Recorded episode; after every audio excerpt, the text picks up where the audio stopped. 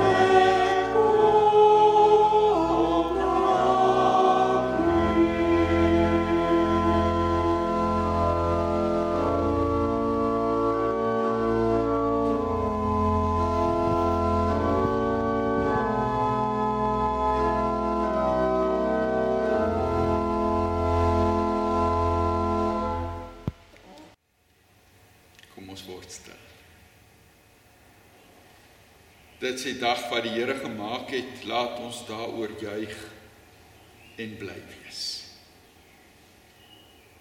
Amen. Gemeente van die Here, genade vir julle en vrede van God ons Vader, van Christus Jesus ons Here en van die Heilige Gees. Kom ons loof nou die Here met lied 499. Die Heer is God en niemand meer.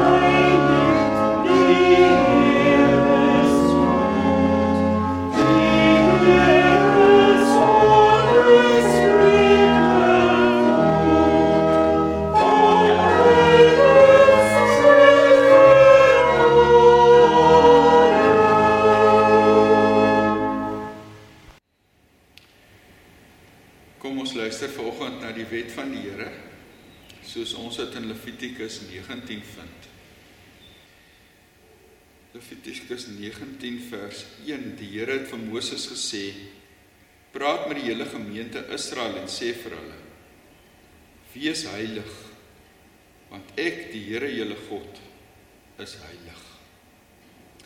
Elkeen van julle moet eerbied hê vir sy ma en sy pa. Julle moet my gebooie oor die Sabbat gehoorsaam. Ek is die Here julle God. Julle mag nie afgode dien nie en julle mag nie vir julle afgodsbeelde maak nie. Ek is die Here julle God. Dan vers 9. Wanneer julle julle lande afoes, moet julle nie die wenakkers afoes nie en ook nie die are wat bly lê agterna optel nie. Julle moet ook nie die wingerde in tweede keer oes of die korrels wat val optel nie. Laat dit alles bly vir die armes en die vreemdelinge. Ek is die Here julle God. Julle mag nie steel nie. Julle mag nie lieg of mekaar bedrieg nie. Julle mag nie 'n vals eed aflê in my naam en so die naam van julle God ontheilig nie. Ek is die Here. Jy mag nie jou naaste uitbuit of hom beroof nie. Jy mag nie 'n dagloner se loon terughou nie tot die volgende dag nie. Met eerbied vir jou God mag jy nie 'n dowe vloek of 'n hindernis in die pad van 'n blinde lê nie. Ek is die Here. Jy mag nie onregverdig wees in die regspraak nie. Jy mag nie partydig wees vir die wat geen aansien het nie of die vooraanstaande bevoordeel nie. Oordeel regverdig oor jou naaste. Jy mag nie loop en skinder nie. Jy mag nie jou medemens se lewe in gevaar stel nie. Ek is die Here. Jy mag nie haatdraand wees teenoor jou volksgenoot nie Maak die geskil openlik met hom uit. Moenie wat jy verkeerd gedoen het teen hom hou nie. Jy mag nie wraak neem of 'n grief koester teenoor jou volksgenoot nie. Jy moet jou naaste lief hê soos jouself. Ek is die Here. Dan vers 32 uit eerbied vir jou God moet jy eerbied bewys aan ou mense en hulle met respek behandel. Ek is die Here. Wanneer daar 'n vreemdeling by julle in die land woon, mag julle hom nie onderdruk nie. Julle moet hom soos 'n medeburger behandel en hom lief hê soos julleself. Julle was immer self ook vreemdelinge in Egipte. Ek is die Here, julle God. Julle mag nie bedrog pleeg wanneer julle meet of weeg of inhoud bepaal nie. Julle moet 'n betroubare skaal en die regte gewigte en inhoudsmate gebruik. Ek is die Here julle God wat jou julle uit Egipte laat wegtrek het. Gehoorsaam al my voorskrifte en bepalinge en leef daarvolgens. Ek is die Here. Dis die wet van die Here. Die wet wat vra dat ons die Here sal heilig deur ons liefdevol maar ook in ons optrede teenoor mekaar. Ons wat in Christelike huise groot geword het, dink baie keer, waaroor moet ek nou eintlik my skuld bely? Wat is nou eintlik so erg? So miskien dink jy nou ek het hom nog nie moord gepleeg nie. Ek het nie bedrog gepleeg nie. Ek het ek het nie gesteel nie. Maar dalk het jy jou naaste seer gemaak deur iets wat jy gesê het. Dalk was jy onbedagsaam of jy meerig. Dalk het jy 'n wit lintjie vertel. Of dalk het jy jou stilte tyd afgeskeep in die week. Kom ons praat met die Here. En sê dit alles as geleentheid vir stil gebed.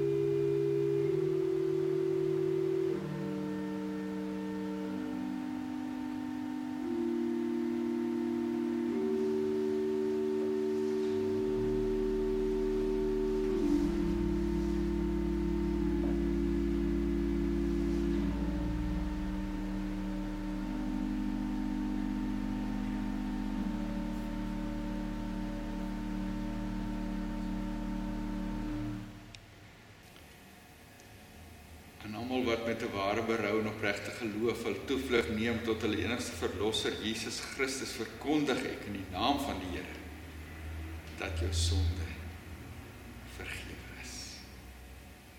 Al was jou sonde soos skarlaken, dit sal wit word soos wol. Al was dit rooi soos purper, dit sal word soos sneeu, beloof die Here in Jesaja 1. Ons gaan veraloggend lees uit die woord van die Here uit Genesis 21 oor die geboorte van Isak. Maar kom ons bid eers saam.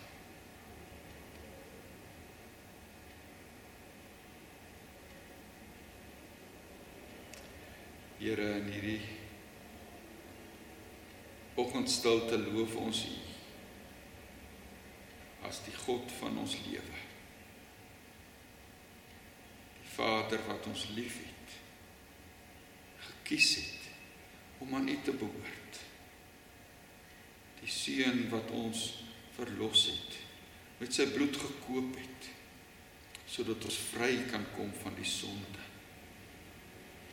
Die Gees wat in ons woon om ons te lei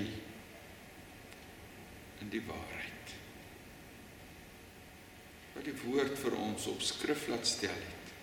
Mense geïnspireer het om dit neer te skryf sodat u vandag nog met ons daaroor kan praat. Here, en dit is ons gebed vir oggend dat u self deur u woord deur die Gees aan die woord sal kom.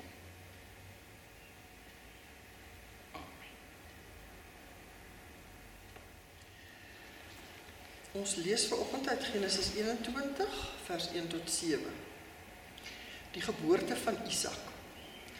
Die Here het aan Sara gedink soos hy beloof het.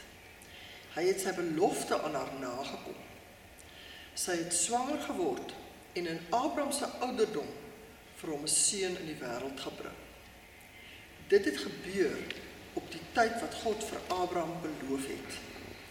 Hy het die seun wat vir hom gebore is, die een wat deur Sara aan die wêreld gebring is, Isak genoem. Soos God vir Abraham beveel het, het hy vir Isak besny toe hy 8 dae oud was. Abraham was 100 jaar oud toe sy seun Isak gebore is. Sara het toe gesê: God het gemaak dat mense vir my lag. Elkeen wat van Isak hoor, sal vir my lag. Sy het verder nog gesê: Wie sou vir Abraham kon sê dat Sara seuns aan haar bors sal voed? Ek het in sy ouderdom 'n seun in die wêreld gebring. Dit is die woord van die Here. Die gedeelte wat ons saam gelees het, speel af 25 jaar nadat Abraham en Sara uit Ur van die Galdeërs weggetrek het om na die beloofde land te gaan soos die Here vir hulle beveel het. En die verhaal het al in Genesis 11 begin. Verhaal met baie hoogtepunte en laagtepunte. 'n Spannende verhaal. Wat hulle op ver baie geneem het, van Ur af deur Haran na Kanaan daarvandaan na Egipte waar Abraham gejok het dat Sara sy suster is en Sara aan die farao se arm beland. Van Abraham en Lot dat hulle paie moes skei omdat hulle vee te veel geword het van Sodom en Gomorra en Lot wat met niks nie moes vlug. Tel ook die verhaal van God se belofte aan Abraham dat hy die vader van 'n menigte nasies sal word, 'n belofte wat getalle met om te kom en uiteindelik dan dan gee hulle moed op op God se gee hulle op op God se beloftes en en vat Abraham vir Hagar Sara se slavin as 'n byvrou en word Ismael gebore wat 'n hele nuwe hoofstuk van hartseer in Sara en Abraham se lewe en in hulle huis ingelui het. Stuk ongeloof. En dan elke keer as Abraham begin moed verloor, dan verskyn die Here weer aan hom, beloof hy weer, nee maar dis regtig so, jy gaan die vader van 'n menigte word hierdie belofte loop soos 'n goue draad deur deur Abraham se hele lewe. Die belofte van 'n nageslag. Uiteindelik is dit die sin van sy bestaan dat daar iemand gebore sal word wat sy sy nagtgedagtenis sal voortsit en die draer sal wees van die geloof En nou 25 jaar later waar ons vir Abraham en Sara leer ken het en saam met hierdie egpaar gehoop het en gewanhoop het en en ons hulle twyfel en en hulle seer so goed kan begryp. Uiteindelik gebeur dit. Sara word swanger en en skenk geboorte aan 'n seun.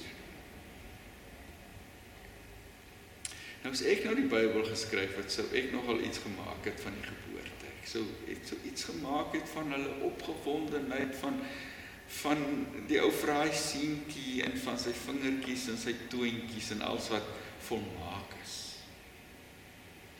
Maar dit is glad nie hoe die Bybel hierdie verhaal aanpak nie. Hoor wat staan in die Bybel. Die Here het aan Sara gedink soos hy beloof het. Hy het sy belofte aan haar nagekom. Sy het swanger geword en in Abraham se ouderdom vir hom 'n seun in die wêreld gebring. Dit het gebeur op die tyd wat God vir Abraham beloof het.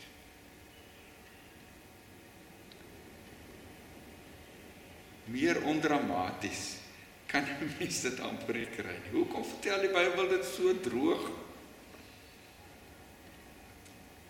Daar's 'n goeie rede vir. Die Bybel wil die klem laat val God. Op God se trou. Op die feit dat God woord gehou het. Dat Isak gebore is presies net soos God gesê het dit sal gebeur. Die Bybel wil as dit ware vir ons sê, maar hoekom? Hoekom het jy getwyfel? Hoekom is jy verbaas? Hoekom is jy opgewonde en verlig? God het dan gesê dit gaan gebeur. Het jy dan vergeet? dat God sy woord hou. Natuurlik doen God altyd alles wat hy sê. En daarom herhaal die Bybel dit 3 maal dat Isak gebore is presies volgens God se belofte. Hier in vers 1 en 2 sê hy: Die Here het aan Sara gedink soos hy beloof het. Hy het sy belofte aan haar nagekom.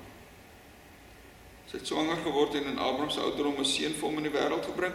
Dit het gebeur op die tyd wat God vir Abraham beloof het. God hou sy woord. Hy doen wat hy beloof. Genesis 21 is in die Bybel op hierdie manier opgeteken as 'n getuienis van God se trou.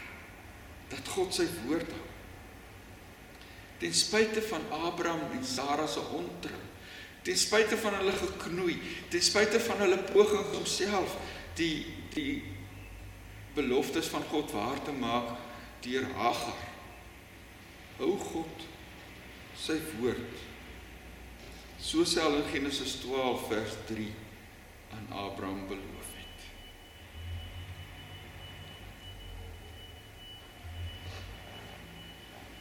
Nou as God in elk geval doen wat hy beloof het. As die uitkoms van sy belofte nie in die weegskaal was nie, hoekom wag hy so lank? Hoekom wag hy 25 jaar voordat Abraham en Sara se seun Ismael, Isak gebore is? Kon hy hulle nie maar gouer die seun gegee het nie? Gouer uit hulle spanning uitgehelp het nie? Die rede hoekom God so lank wag is dat Abraham en Sara en ons baie deeglik moet verstaan. Hierdie kind is 'n kind van die belofte. Isak se geboorte is God se werk. Dit is nie 'n kwessie dat as 'n mens maar net lank genoeg aanhou, lank genoeg uithou dan sal dit gebeur. Ons moenie God se trou verwar met ons deursettingsvermoë of ons uithou nie. God se trou het niks daarmee te doen nie. Daarom moes Abraham en Sara so lank wag totdat hulle moed opgegee het. Totdat hulle prakties gesproke nie meer 'n kind kon hê nie. Menslik gesproke was dit onmoontlik dat daar nog 'n kind kon wees. Totdat dit duidelik geword het dat Isak se geboorte 'n wonder van God is. God wat sy belofte hou en dit waar maak.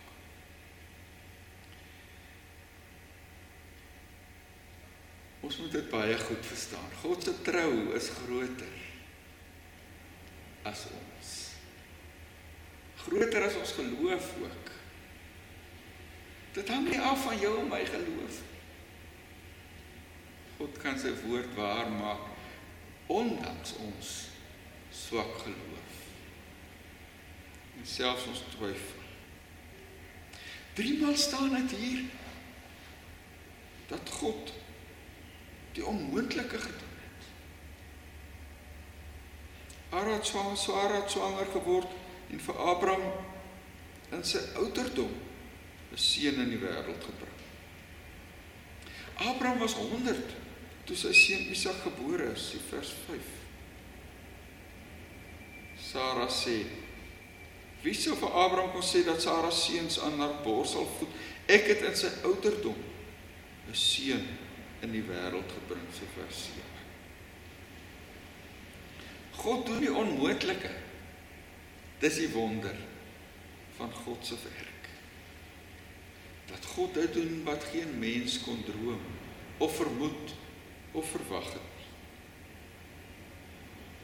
Ons sien dit op ander plekke in die Bybel ook, nê?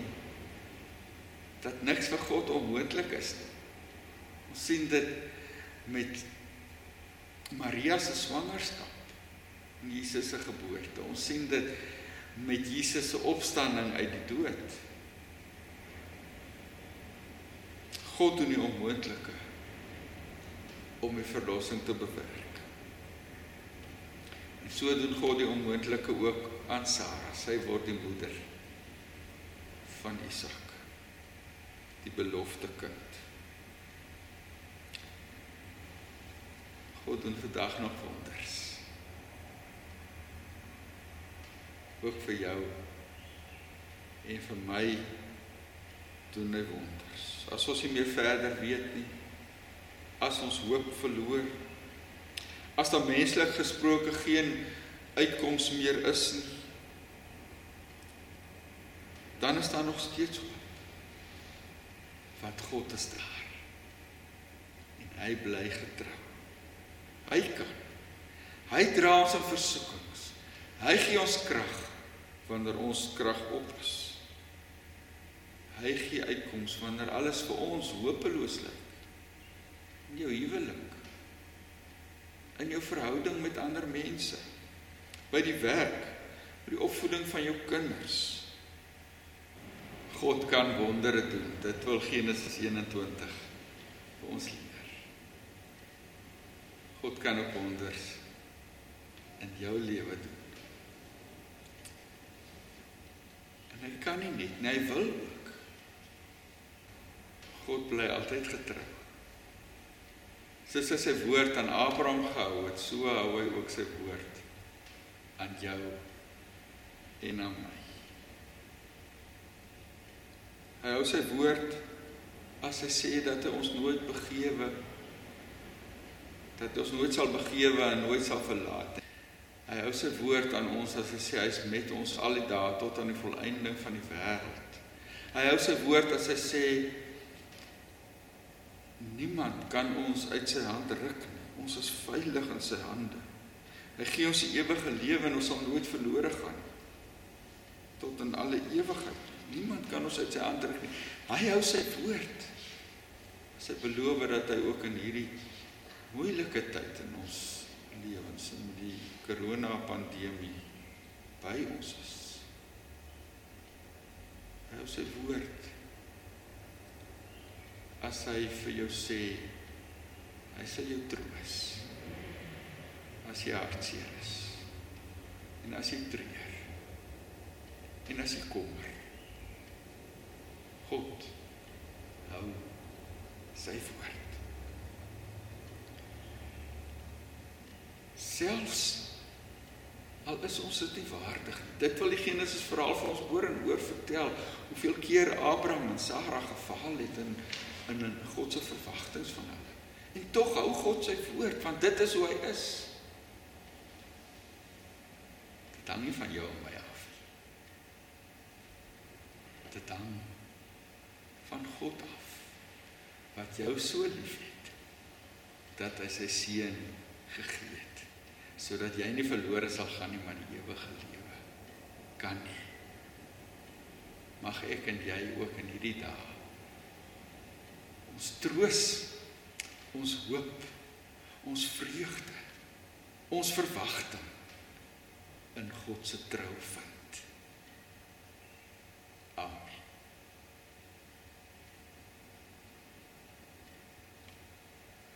Kom ons bid saam Here ons dank U dat U 'n troue God is. Gister en vandag en tot in ewigheid dieselfde. U wat was en wat is en wat kom die almagtige. Here ons ons vir ons inwrim in U trou, Here. Ons ons wil by U kom skuil want die wêreld maak ons bang soms. Here, ons sien die pandemie getalle wat so opklim en opklim en opklim in die hele wêreld maar ook nou hier by ons. Dan beroep ons ons Here op U terug dat U ons sal vashou dat U ook vir ons nooit sal begewe en nooit sal verlaat. Dat U vir ons deur hierdie moeilike tyd sal dra Here met ons gesondheid bid vir hulle wat wat hierdie virus moet beveg in die hospitale en in die laboratoriums. Ons bid vir hulle wat in self-isolasie is. Here, ons bid nie net vir ons lewens nie, ons bid ook vir ons ekonomie wat flenters is op die grond. Baie maatskappye moes toemaak. Mense het hulle werk verloor. Mense verloor hoop. Here hou U vir ons vas. Dat ons ook deur hierdie ding kan kom. Ons bid vir ons regering, Here, hoe lyk dit dan vir ons of hulle verward rondpik? Gee wysheid, Here.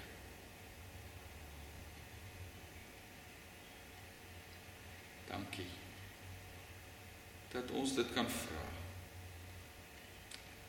omdat ons u kinders is en u ons liefhet. In Jesus se naam. Amen.